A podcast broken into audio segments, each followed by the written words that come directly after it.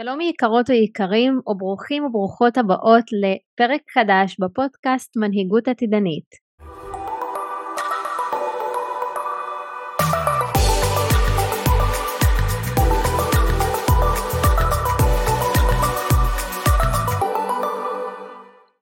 מקווה שאני פוגשת איתכן ואיתכם בטוב. והיום בפרק שלנו אנחנו הולכות והולכים לדבר על משהו מעניין.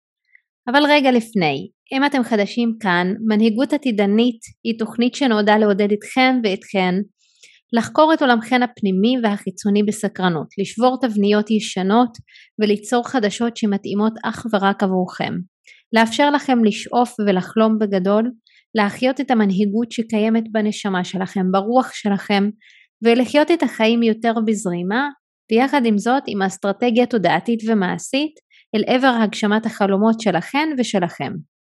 אני המנחה שלכן ושלכם דוקטור מרווה אזם, חוקרת מוח ותודעה ומלווה תהליכי פיתוח מנהיגות אישית ועסקית באמצעות מודל שנקרא one recode שמבוסס על הפרוטוקול הטיפולי שפיתחתי למניעת ירידה קוגניטיבית והיפוכה אה, בו אני ממש משלבת בין עולם המדע לתודעה ורוחניות מעשית וזה מה שמעסיק אותי בשנים האחרונות, אני חוקרת וחיה על פי האינטגרציה הזו, לאורך כל המסע שלנו גם אה, כאן אה, בפודקאסט אני הולכת לחלוק איתכן ואיתכם ידע ופרקטיקות על החיבור בין עולם המדע לעולם התודעה והרוח ואתם תראו איך הכל מסתנכרן בהרמוניה שמאפשרת לנו ליצור את החיים שאנחנו רוצות ליצור לעצמנו.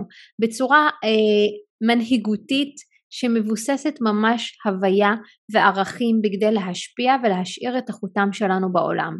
אז אם מצאתן או מצאתם ערך בפרק הזה, הכי אשמח בעולם שתחלקו אותו ותפיצו את הטוב הזה הלאה לעולם. שלום שלום לכן ולכם יקרות או יקרים בפרק חדש שהולך להעיף לכם גם את המוח וגם את המציאות. אבל רגע לפני שאנחנו מתחילות ומתחילים, אני רוצה לומר שכל כך התגעגעתי להקליט פרקים לפודקאסט ואני רוצה לומר לכם גם תודה, תודה על כל הפידבקים שאני מקבלת מכן או מכם, על הפרקים הקודמים שהיו, על זה שאתם רוצים לקבל עוד ידע ועוד אה, מקום שבו אתם יכולים להרחיב את התודעה, לשבור תבניות, ללמוד ולדעת ליישם דברים בצורה מאוד פשוטה. מעבר לכך שאתן ממש רוצות לקבל עוד אה, מהסיפור האישי שלי, מהדרך שאני עשיתי בעצמי, וזה כל כך משמח אותי שאני יכולה ומסוגלת לעורר בכן השראה, זה לגמרי לא מובן מאליו. אה, ולכן היום הכנתי לנו פרק שהוא די מעניין, באמת. אה, זה פרק שאני הולכת לדבר בו על נושא שהוא די רחב, שאני מאמינה שאני עוד אייצר עבורו פרקים נוספים, ואני רוצה להקדיש את זה לנושא מאוד חשוב שהוא יצירת המציאות, והיכולת שלנו לייצר מציאות. שימו לב, זה צמד מילים שהוא די מעניין, די פשוט, אבל הוא גם די מורכב. למה? כי בואו שנייה נבין ברמה העמוקה יותר מה הכוונה שלנו כשאנחנו מדברים על המציאות. המציאות שלנו היא בעצם הדבר המוחשי בחוויה שלנו הסובייקטיבית שהוא מיוצר על ידי התודעה. אם אני מדברת על זה במשפט שהוא כזה יחסית יכול לתאר את יצירת המציאות שלנו. אבל בואו רגע נפשיל שרוולים וניכנס פנימה לתוך העולם הזה שנקרא יצירת מציאות. ויש משפט שאומרים אותו לא מעט אנשים שעוסקים בתחום הזה ואני אומר אותו גם כן על יצירת מציאות ואני רוצה שתקשיבו לו טוב כי בסופו של דבר אנחנו יוצר, יוצרים את המציאות שלנו בין אם זה באופן מודע ובין אם זה באופן לא מודע. ושוב חשוב לי לחדד הנקודה הזו של כל מה שאנחנו רואות בעיניים הגשמיות שלנו, המציאות שאנחנו רואות בעיניים שלנו ואנחנו חווים בחוויה הסובייקטיבית שלנו היא בעצם יצירה שלנו. בהמשך אני אדבר גם על הבורא, על היקום, שהוא כמובן שותף שלנו לכל היצירה הזו ואי אפשר אה, לדבר על יצירת מציאות מבלי לדבר עליו ועל הכוח העליון הזה שמאפשר לנו גם ליצור את המציאות שאנחנו רוצות עבור עצמנו. אה, ולמה אני אומרת בואו שנייה נתבונן על המשפט הזה? כי אני רוצה שתבינו כמה השפעה יש לכל אחת ואחת מאיתנו על החיים שלנו, על החיים שאנחנו חיים כאן, על החוויה הסובייקטיבית שיש סביב החיים שלנו. מעבר לכך, אנחנו לא רק משפיעים על מה קורה בתוך המציאות שלנו ביום יום, אלא על כל המציאות הקולקטיבית של כל האנשים שיש בעולם. כי כולנו בסופו של דבר באנו אה, מהאחד הזה, מהאחדות הזו, והפכנו להיות אה, תודעות שהן מוגבלות במידה מסוימת, שמייצרות מציאות שהיא קולקטיבית שלמה ומלאה לטובת האחדות. ורוב האנשים היום, גם אלה שהם מאוד מודעים לזה, שיצירת המציאות שלהם היא בעצם בידיים שלהם, הם לא מצליחים לייצר את המציאות שהם רוצים בצורה שבאמת מיטיבה איתם. למה? כי יצירת מציאות או התהוות של המציאות שלנו צריכה להיות ממקום בריא, בריא עבור הנשמה שלנו, עבור הנפש שלנו, כדי שאנחנו נוכל ליהנות מהחוויה הזו ומהמציאות שלנו. ולכן אני רוצה שנייה לצלול יחד איתכם לעומק ואני רוצה לדבר על המושג הזה מציאות. מהי בעצם מציאות? מציאות? היא בעצם כל מה שמתהווה ונקבע על ידינו בתודעה שלנו, כלומר זאת אה, חוויה שאנחנו חווים בצורה סובייקטיבית, לא בהכרח שהיא אובייקטיבית. והמונח אה, מציאות וממשות הוא מושג שמבטא בשימוש היומיומי שלו מצב שבעצם הדברים שקיימים כרגע בחיים שלנו הם כפי שהם באמת. במובן הרחב של המושג, המציאות הזו היא כוללת בעצם את כל מה שיש בין אם אנחנו מבחינים במה שקיים או לא מבחינים במה שקיים.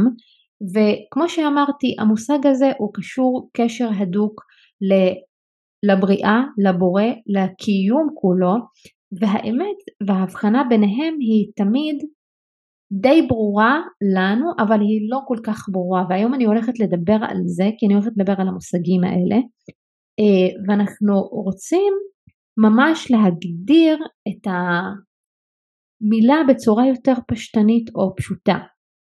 כי המילה הזו שהיא כל כך פשוטה שנקראת מציאות שהיא כל כך גם מרתקת ומעניינת וגורמת לאנשים ככה לחקור את המציאות שלהם או לתהות למה זאת המציאות שלהם היא בעצם מורכבת הרבה יותר ממה שאנחנו חושבות וחושבים. למה? כי זה חיבור לתודעה של האדם שחווה אותה והיא משתנה וסובייקטיבית כל פעם מחדש, מאדם לאדם. אנחנו יכולים לראות את אותה סיטואציה וכל אחד מאיתנו יפרש את המציאות הזו בצורה אחרת. למה? כי התודעה שלנו מחוברת לחוויה ממקום אחר, מאיתותים ואותות במוח שהם שונים לגמרי, גם בתוך התודעה האישית שלנו וגם בתוך התודעה הקולקטיבית שלנו. וזה בדיוק מה שנקלט בחושים שלנו, הוא עובר ממש עידוד והוא מקבל ייצוג במוח שלנו, בנוירונים ובסינפסות ומכאן אנחנו מבינים שכל רישום תודעתי כזה הוא תבונה מקודדת במידע ורשום על ידי איזשהו רטט שמשדר גם גלים בתדרים שלנו שמייצגים את המידע הזה אז אם נשנה את הרישום התודעתי אנחנו יכולים להשפיע ולשנות את התבניות ובעקבות כך גם המציאות שאנחנו רואים בעיניים הגשמיות שלנו יכולות להשתנות.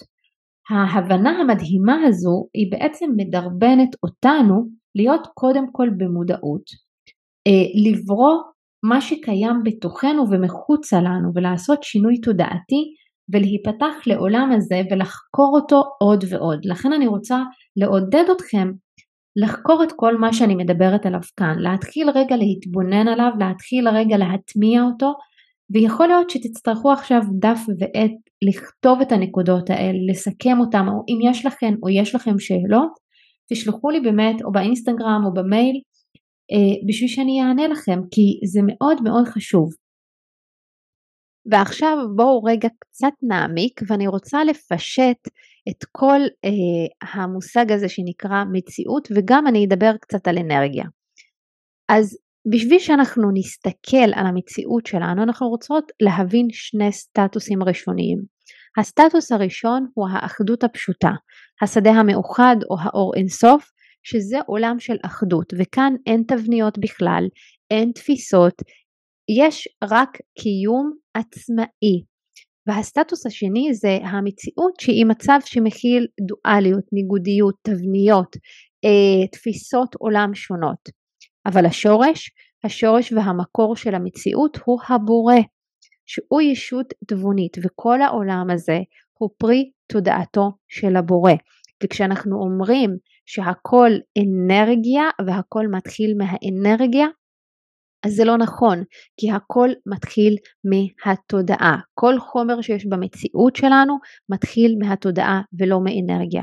ולכן בואו שנייה נעבור על אה, המושג הזה שנקרא אנרגיה, והמושג הזה שאנחנו רוצות רגע להפריך אותו בשביל שנבין שהכל הוא תודעה אה, שמחוברת לבורא שלנו. ושהאנרגיה היא בסופו של דבר היא חומר גלם. לצורך הדוגמה בואו ניקח משקפיים. משקפיים עשויים מפלסטיק. פלסטיק זה פחמן.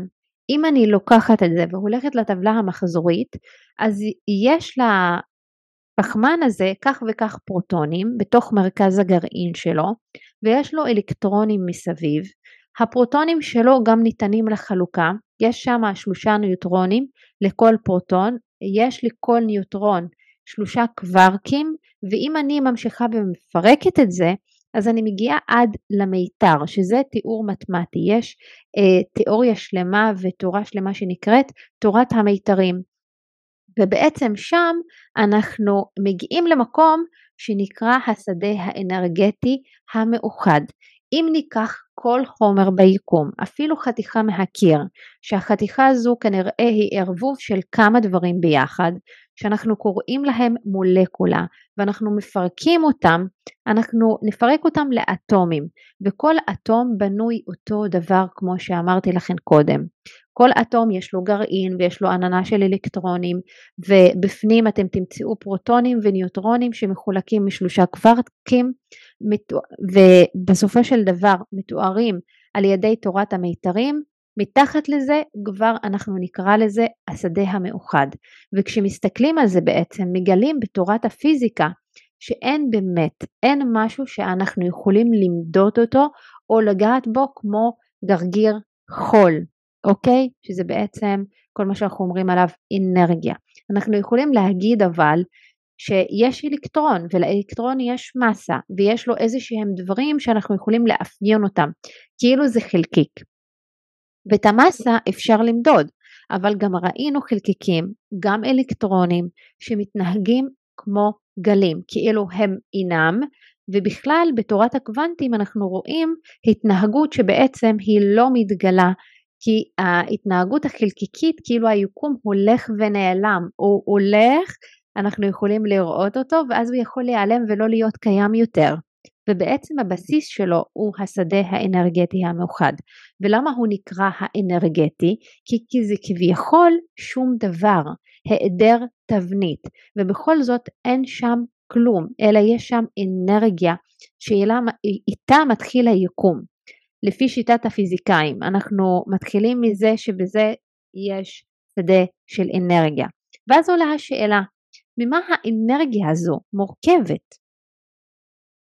ואז אנחנו אומרים אנרגיה לא מורכבת משום דבר, זה אנרגיה, זה מה שיש, זה החומר הנצחי, זה מה שיש מאז ומעולם, ואתה אומר כן, ומי ברא את אותה אנרגיה?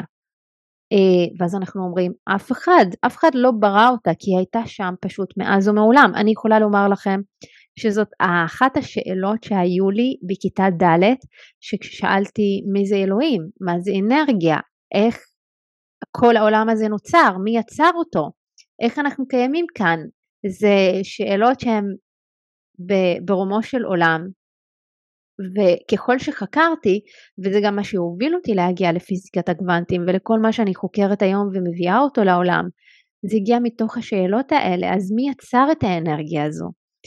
אז כביכול, אותן שאלות שאנחנו שואלים על האנרגיה, אנחנו יכולים לשאול על הבורא. אז בואו נשאל מה זה הבורא. זאת אומרת שזה הדבר הבסיסי ביותר שקדם ליקום זה עצם קיומו של היקום, עצם הקיום הבסיסי ביותר של היקום, שזה בעצם המהות, המהות עצמה, החומר גלם הבסיסי, שאין לו תבנית, זה נקרא אינסוף, אין שם שום תבנית, עוד אין שום דבר שעוד אפשר לקרוא לו בריאה. ואז עולה השאלה למה אנחנו לא קוראים לבורא אנרגיה? אמרתי לכם שזו אחת השאלות שהיו לי, והיום אני מעלה אותה כאן, גם כשאלה וגם עם הסבר אולי בסיסי. והסיבה הפשוטה שאנרגיה זה דומם, זה לא דבר חי, זה לא דבר תכליתי, זה לא דבר שהוא חושב, זה לא דבר רצוני. וזה לא מוציא מעצמו משהו שאנחנו מתחילים בעצם. והבורא הוא ישות תבונית, חיה, רצונית, תכליתית, שיודע טוב מאוד מה הוא רוצה, מה היא רוצה, וזה הבסיס של היקום. וזה לגמרי תפיסה חדשה בהבנה של היקום, של אלוהים, של הבורא, שהסטטוס שלו הוא אינסוף, כלומר ללא תבנית, אלא יש לו קיימות עצמאית, שזה הסטטוס הראשון שדיברתי עליו. והעולם הזה הוא פרי תודעתו של הבורא, כך שאנחנו מבינים שהבורא לא נמצא איפשהו מחוצה לנו, וגם כך התודעה שלנו, אלא אנחנו חיים כבר בתוך העולם של הבורא, בתוך התודעה והמחשבה שלו. אנחנו לא חלק נפרד ממנו, והוא לא אנרגיה, הוא זה שבעצם חלק מהתודעה שלו יצר אנרגיה שאנחנו יכולים להשתמש בה. וזה בעצם מוביל אותי למצב ההוויה או התודעה שלנו שמשתווה לתודעה של הבורא, של היקום, היקום של אלוהים, של היוניברס, תקראו לזה איך שאתם רוצות או רוצים. וכשיש סינכרון וחיבור, אנחנו אה, בעצם מושכים לחיים שלנו, או אה, מאפשרים לדבר שאנחנו רוצות ורוצים להתהוות. ויכול להיות שכבר שמעתם את המושג דומה מושך דומה בהרבה מאוד גישות רוחניות. ויש גם את המונח הנוסף שזה מחשבה יוצרת מציאות.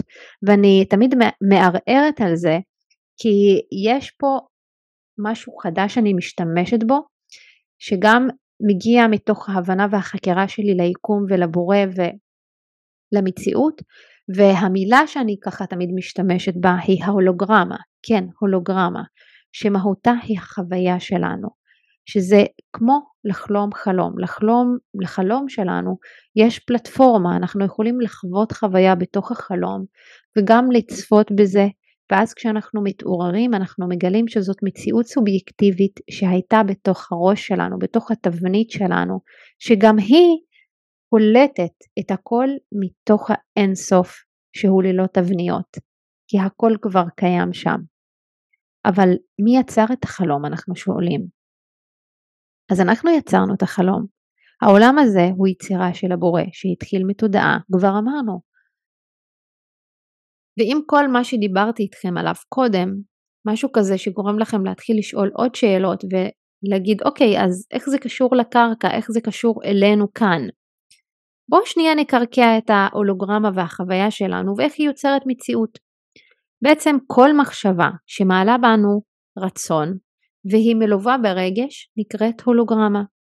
ואני רוצה להזמין אתכן לראות את המחשבות שלכן כהולוגרמות. זאת מערכת גיאומטרית שמייצרת זרימה אנרגטית, מייצרת תדר, מייצרת רטט שמחובר לאינסוף.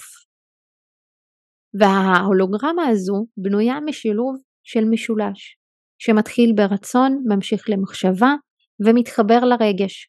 כך כשיש לנו את המשולש הזה, אנחנו יכולות לעבור לשלב של המימוש, לעולם העשייה, ליצירה, לביצוע, ואנחנו מחברות את זה לאדמה. וכאן אני רוצה להביא תרגיל מחשבתי שבו אתן יכולות לעשות רגע הבנה ובדיקה עם עצמכן, אם הרצון הזה שאתן רוצות מתאים, מתאים למי שאתן, למה שאתן באמת רוצות.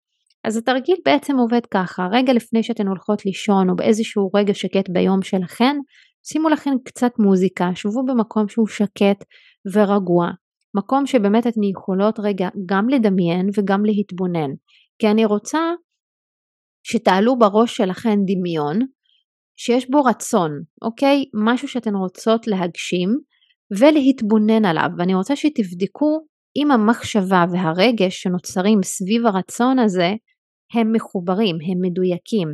אם יש לזה איזושהי צורה כלשהי, איזה רטט עולה לי תוך כדי שאני מתבוננת ומדמיינת את הרצון הזה. ובעצם זה מה שבא להגיד לי, אם ההולוגרמה שלי באמת מחוברת אליי ואני רוצה אותה, אם הרצון הזה הוא הרצון האמיתי שלי, אוקיי? לכן חשוב שתבדקו את הרטט, את התחושה שגם יש בגוף, שמתחתיה יש רגש, שבא לספר לנו על זה.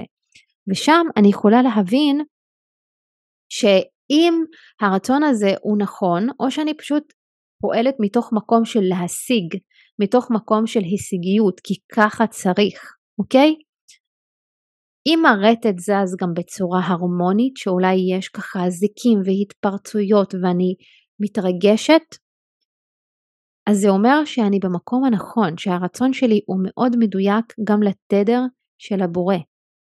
ואני רוצה שתסתכלו רגע מהצד ותעשו סוג של זום אאוט מהמקום הזה של זיהוי ולא ממקום של הזדהות. לא להזדהות עם הרצון שלי עכשיו ולחוות אותו בשיא העוצמה, אלא ממקום של לזהות, אוקיי? ואז תבדקו מה אתן רואות מתוך הנקודות המתפרצות, אם אתן חושבות שאין הרמוניה סביב הרצון הזה. במקרה כזה ההולוגרמה הזו כנראה יש בה אה, משיכה של רטטים ותדרים במהירות גבוהה מדי. ולכן אני רוצה לדבר גם על הקצב ועל הקצב שלנו בתהליך יצירת המציאות. אני רוצה שתרגישו את זה, שתחוו את זה בחוויה שלכן, ולא מתוך הזדהות אלא מתוך זיהוי, אני חוזרת על זה. כי בכל הנושא הזה של יצירת מציאות לא פעם ולא פעמיים, יש לנו הרבה מאוד רצונות, והרצונות האלה הם לא מדויקים, ואנחנו רוצות להתחיל לזהות אם הרצון שלנו בכלל מדויק, או שבכלל מה שמניע אותנו הוא לא המניע הנכון, אוקיי? ואם זה מגיע מתוך הישגיות או חוסר מודעות או חוסר שיקול דעת או חוסר הבנה עוד לפני שהלב התכוונן לתוך המקום הזה. אז לפני שאנחנו מחפשות לפעול ולהפעיל את המחשבות שלנו לביצוע ברמה הארצית, אנחנו רוצות לבדוק את ההולוגרמה ברמה הערכית, וברגע שמשתמשים בכלי הזה, אנחנו מקבלים מידע בהתאם, כלומר הרבה פעמים המציאות שלנו לא מתמשכת כי הרצון שלנו מלכתחילה לא היה מדויק לנו. לפני שאנחנו נרצה לממש משהו, אנחנו רוצות לבדוק את המניע הזה שלנו. למה אני רוצה את זה? האם הרצון שלי מדויק? הוא מאוד מסתנכרן עם דרך החיים שלי?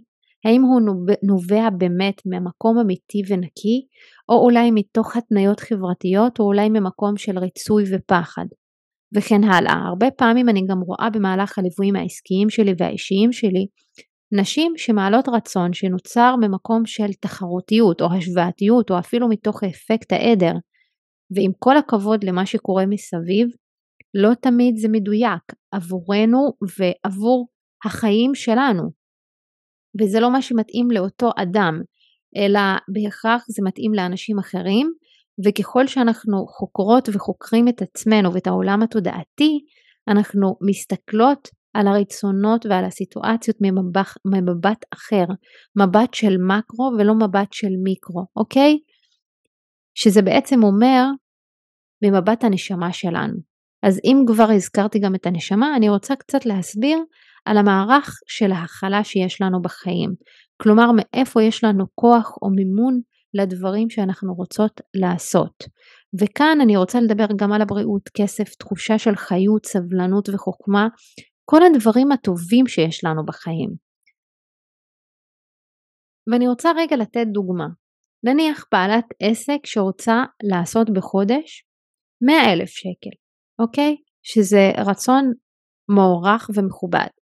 אבל האם באמת הרצון שלה מגיע בהלימה עם מה שהיא באמת רוצה, או שזה בא מתוך תחרותיות והשוואתיות לקולגות שלה, אנחנו רוצות לבדוק את זה, האם הפעולה שלי כשאני רוצה לעשות את המאה אלף שקל האלה בחודש, מגיעות מתוך המקום שאני מסתכלת על הקולגות שלי, או על מה שחינכו אותי שאני צריכה להשיג את זה, או שזה באמת הרצון הנשמתי האמיתי שלי, שמחובר אליי, לתוך הרגש. רוב הסיכויים שאם לא עשיתי את זה בעבר, ואו עשיתי את זה וזה פשוט נאבד ממני, יש סיבה לכך. אני יכולה לומר לכם מניסיון אישי, כמישהי שעברה את החוויה הזו, וזה היה בקצב שהוא הרבה יותר מהיר, ותכף אני גם אדבר על זה, זה בעצם גרם לי לקרוס, כי זה היה אמנם הרצון שלי וזה היה מסונכן לבורא ולתודעה ולרצון של הבורא ולרצון האמיתי שלי, אבל זה הגיע בקצב שהוא לא מדויק לי. ולכן אני כן רוצה לעודד אתכן ואתכם לחקור את הרצון האמיתי הזה. האם זה שלי או שזה של הסביבה? האם זה שלי או של ההורים שלי? האם המחשבה הזו והרגש הזה יוצרים בתוכי איזושהי הרמוניה וסנכרון והכל אה, ככה כשאני מתבוננת עליו מהמקרו מרגיש ואני חשה בגוף שזה מדויק לי ושאני מסוגלת לעשות אותו זה תרגול מעולה ומדהים כי ככל שאנחנו מתרגלות אותו ומתאמנות עליו ברמה המודעת אנחנו יכולות באמת להבין מה נכון ומדויק לנו.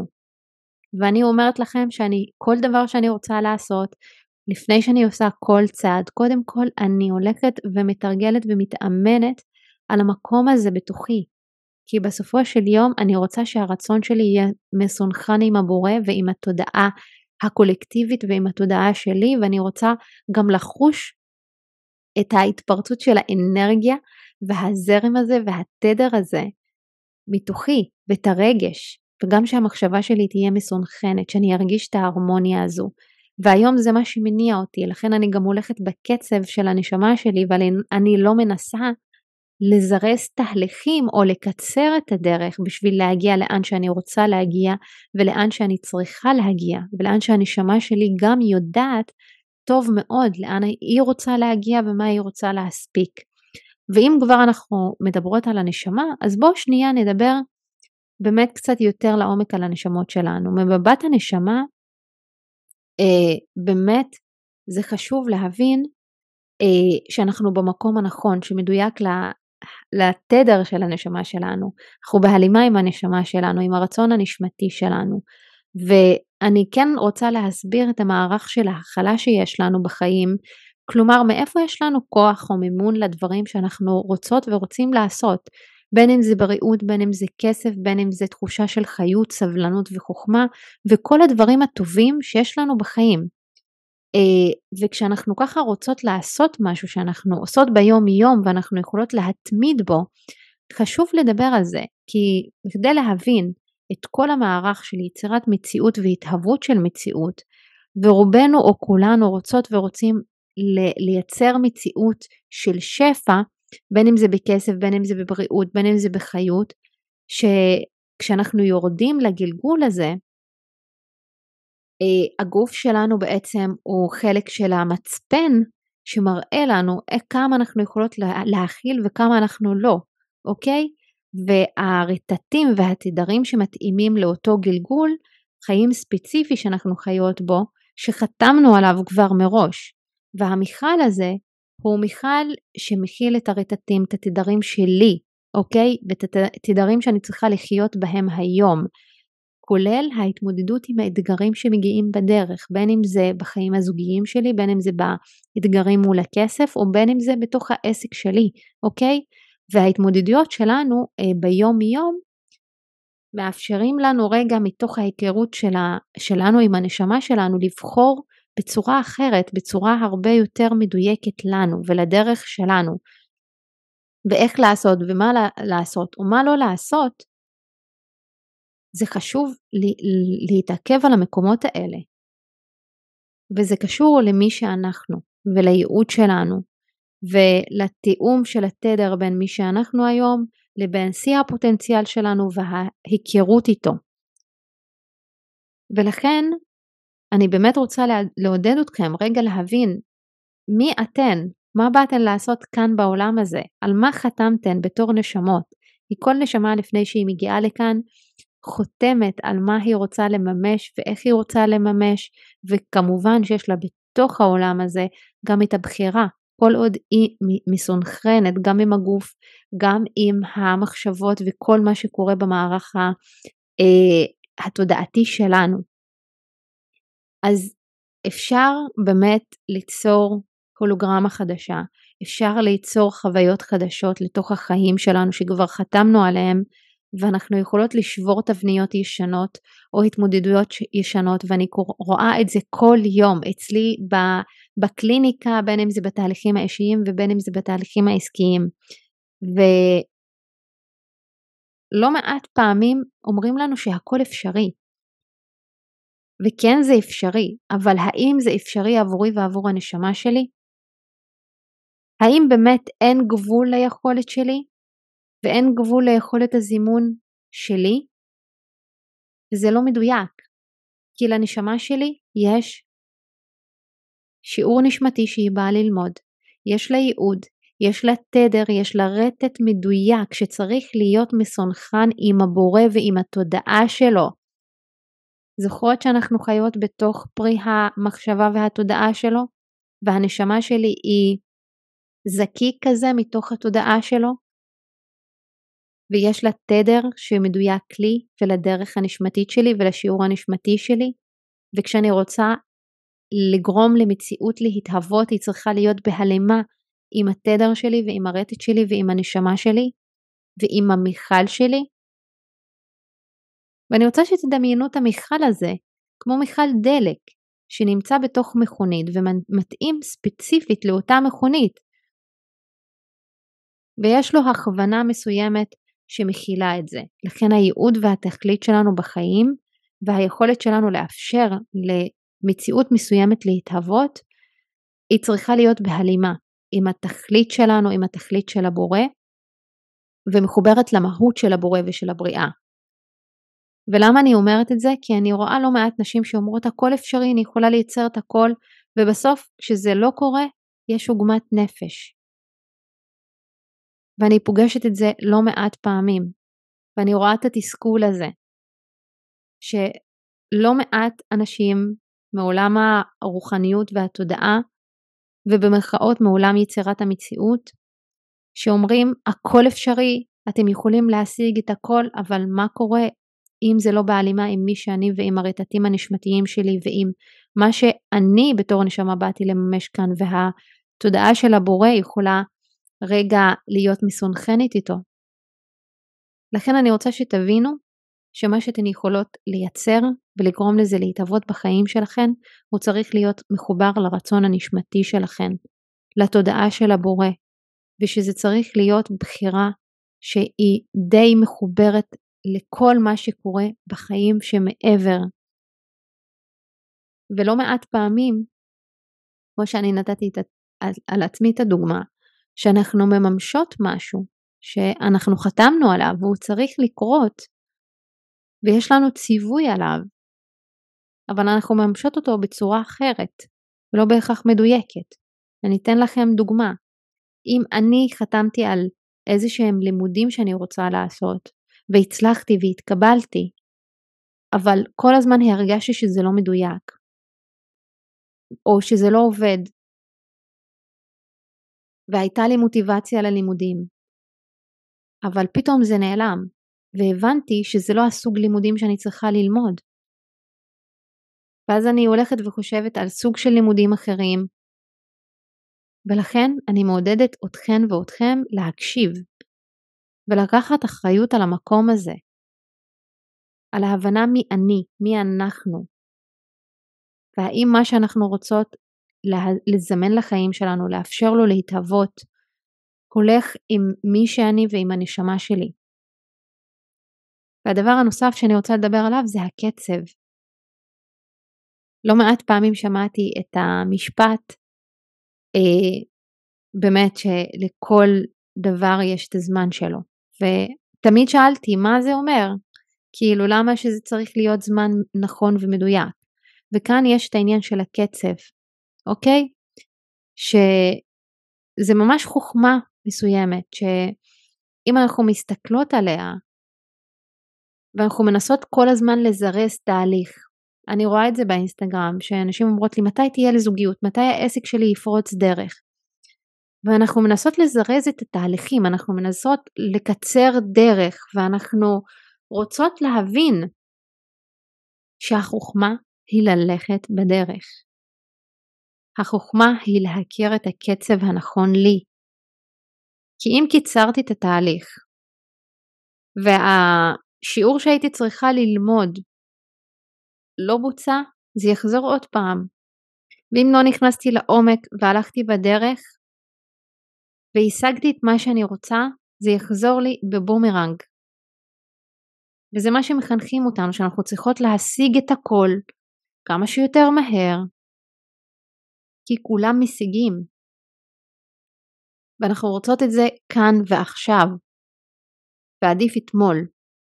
ואנחנו לא נותנות מספיק מקום לתהליך הפנימי שאנחנו עוברות, ואנחנו לא הולכות לפי הקצב הנכון, ומנסות לזרז את התהליכים. ואנחנו משתמשות באנרגיה הזו שנקראת אנרגיה בקדימות, בקדימות גבוהה גם, שהיא בעצם מביאה לחיינו את הכוח הזה של ההתפרצות המהירה, של עשייה והיא על פניו אנחנו עושות קפיצות קוונטיות בזמן מאוד קצר, אבל אנחנו בעצם, מה אנחנו עושות? אנחנו בתקופה הקצרה הזו מספיקות הרבה יותר, אבל אנחנו יוצרות דחיסות אנרגטית ורטטים כלואים בתוך הגוף שלנו. ואנחנו מגיעות לכל יום ויום תשושות יותר. ואין לנו באמת את המימון הזה של הבריאה, כי אנחנו לא בדיוק במקום שלנו, ולא בקצב הנכון שלנו. ולפעמים כן, יכול להיות שהתהליך עצמו הוא מאוד נכון, אבל אנחנו הולכות בקצב הרבה יותר מהיר ממה שאנחנו אמורות ללכת בו. ושוב, אני אומרת לכם את זה מניסיון.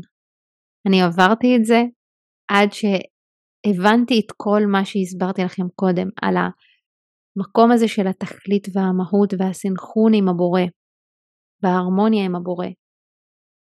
ואני יכולה להביא את זה כאן בצורה מאוד גלויה. אני מתקופת החגים לא הקלטתי פרק בפודקאסט כי הרגשתי שאני צריכה רגע להיות גם בתהליכים הפנימיים של הגדילה שלי, כי אני יודעת שזה דברים שחתמתי עליהם ברמה הנשמתית, ויחד עם זאת, לבוא ולדחוק את עצמי עוד יותר בפינה בשביל לייצר עוד פרקים, זה היה מבחינתי לא להתחשב ולא להיות בהקשבה לקצב הפנימי שלי, שרוצה לעכל את הגדילה שקורית אצלי בעסק, בתוך תוכי, בזוגיות שלי. זה תהליכים פנימיים שדורשים רגע לוודא שאני באמת על הדרך הנכונה, שאני בהלימה, שאני אל מול הרצון הנשמתי שלי, שאני בקצב שהוא נכון ומדויק לי. ולכן מודעות נכונה יוצרת זרימה, יוצרת זרימה בתוכנו, והרעיון הוא שתמיד תהיה לנו זרימה קבועה ונכונה של אנרגיה.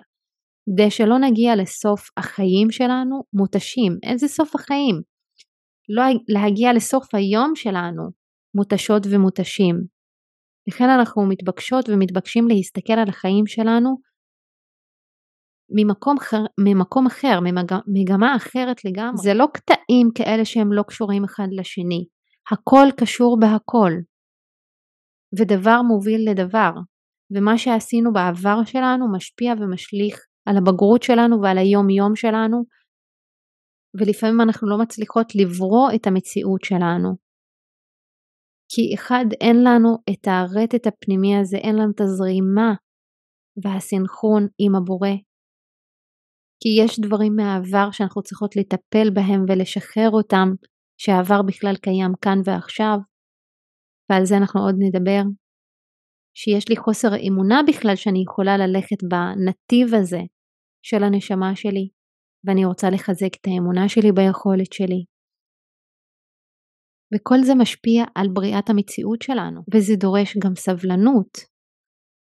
אבל בואו שנייה נשאל את השאלה, למה כל כך יש צורך לאנושות? להגיע למקום של הישגיות ממקום גם של חוסר סבלנות, לעשות את זה בכאן ועכשיו. התשובה יכול להיות שתפתיע אתכם.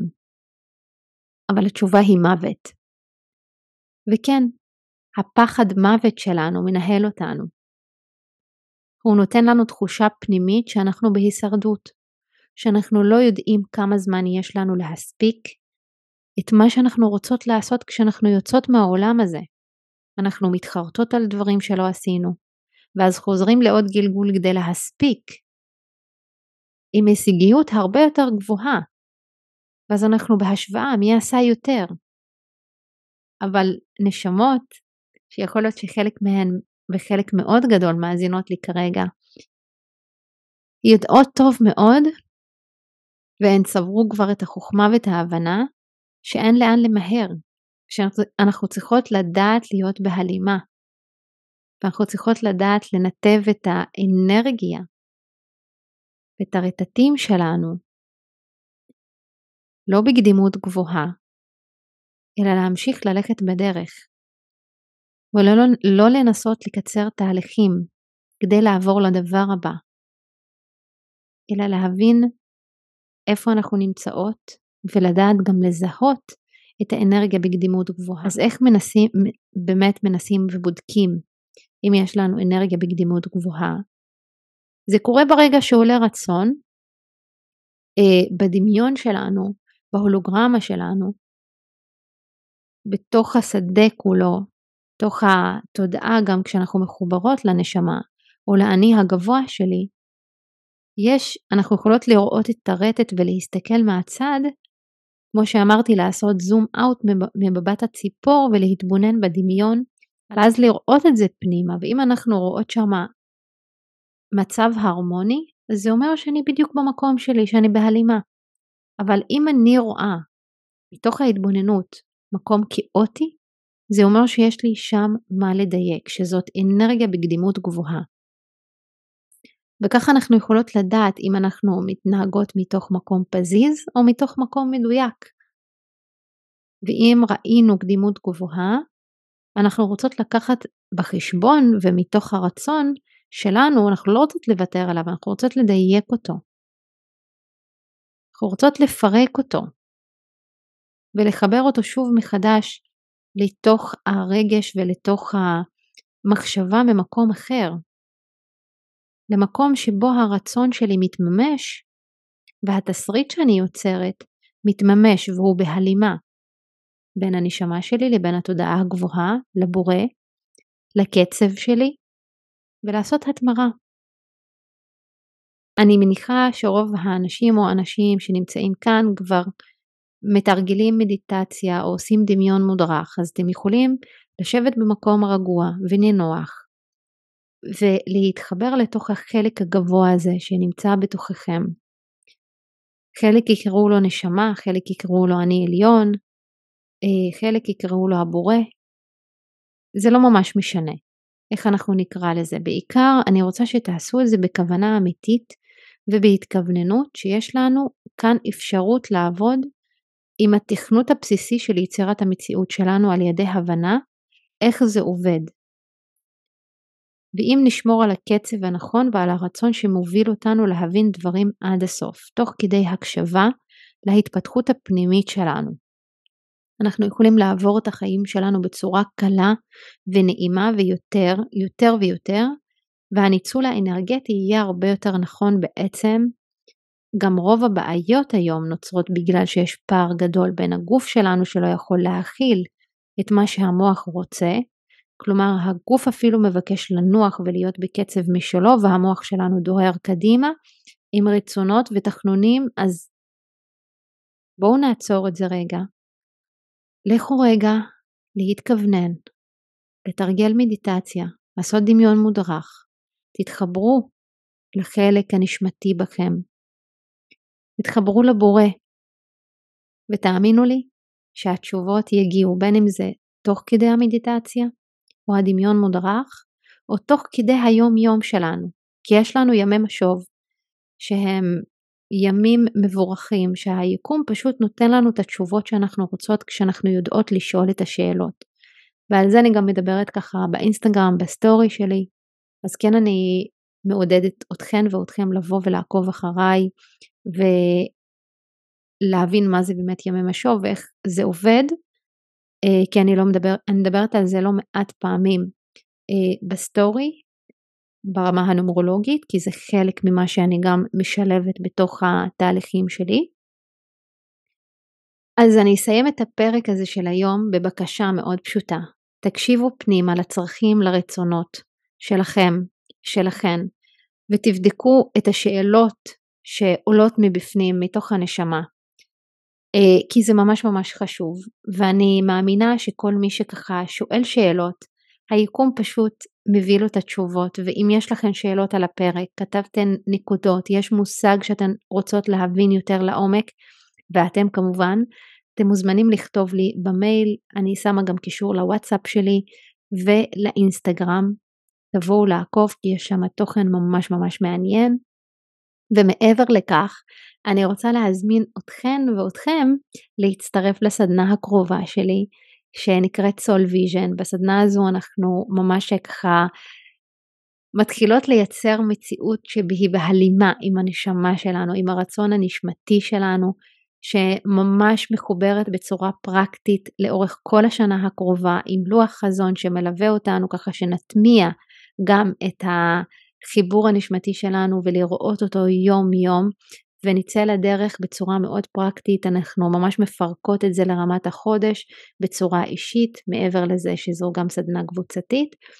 וכל הפרטים אה, אתן יכולות לקבל אותם מהוואטסאפ האישי שלי, תשלחו לי הודעה, אני אשלח לכם גם את הקישור לדף נחיתה, שיש אותו גם באינסטגרם, ואני אניח אותו גם פה מתחת לפרק, ואני ממש רוצה ומקווה לפגוש אתכם בפרק הבא שלנו בפודקאסט, וכמובן גם באינסטגרם ובסדנאות ובקורסים הקרובים שלי, או בתהליכי הליווי, אתם תמיד מוזמנות ומוזמנים באהבה, ושיהיה לנו שבוע טוב.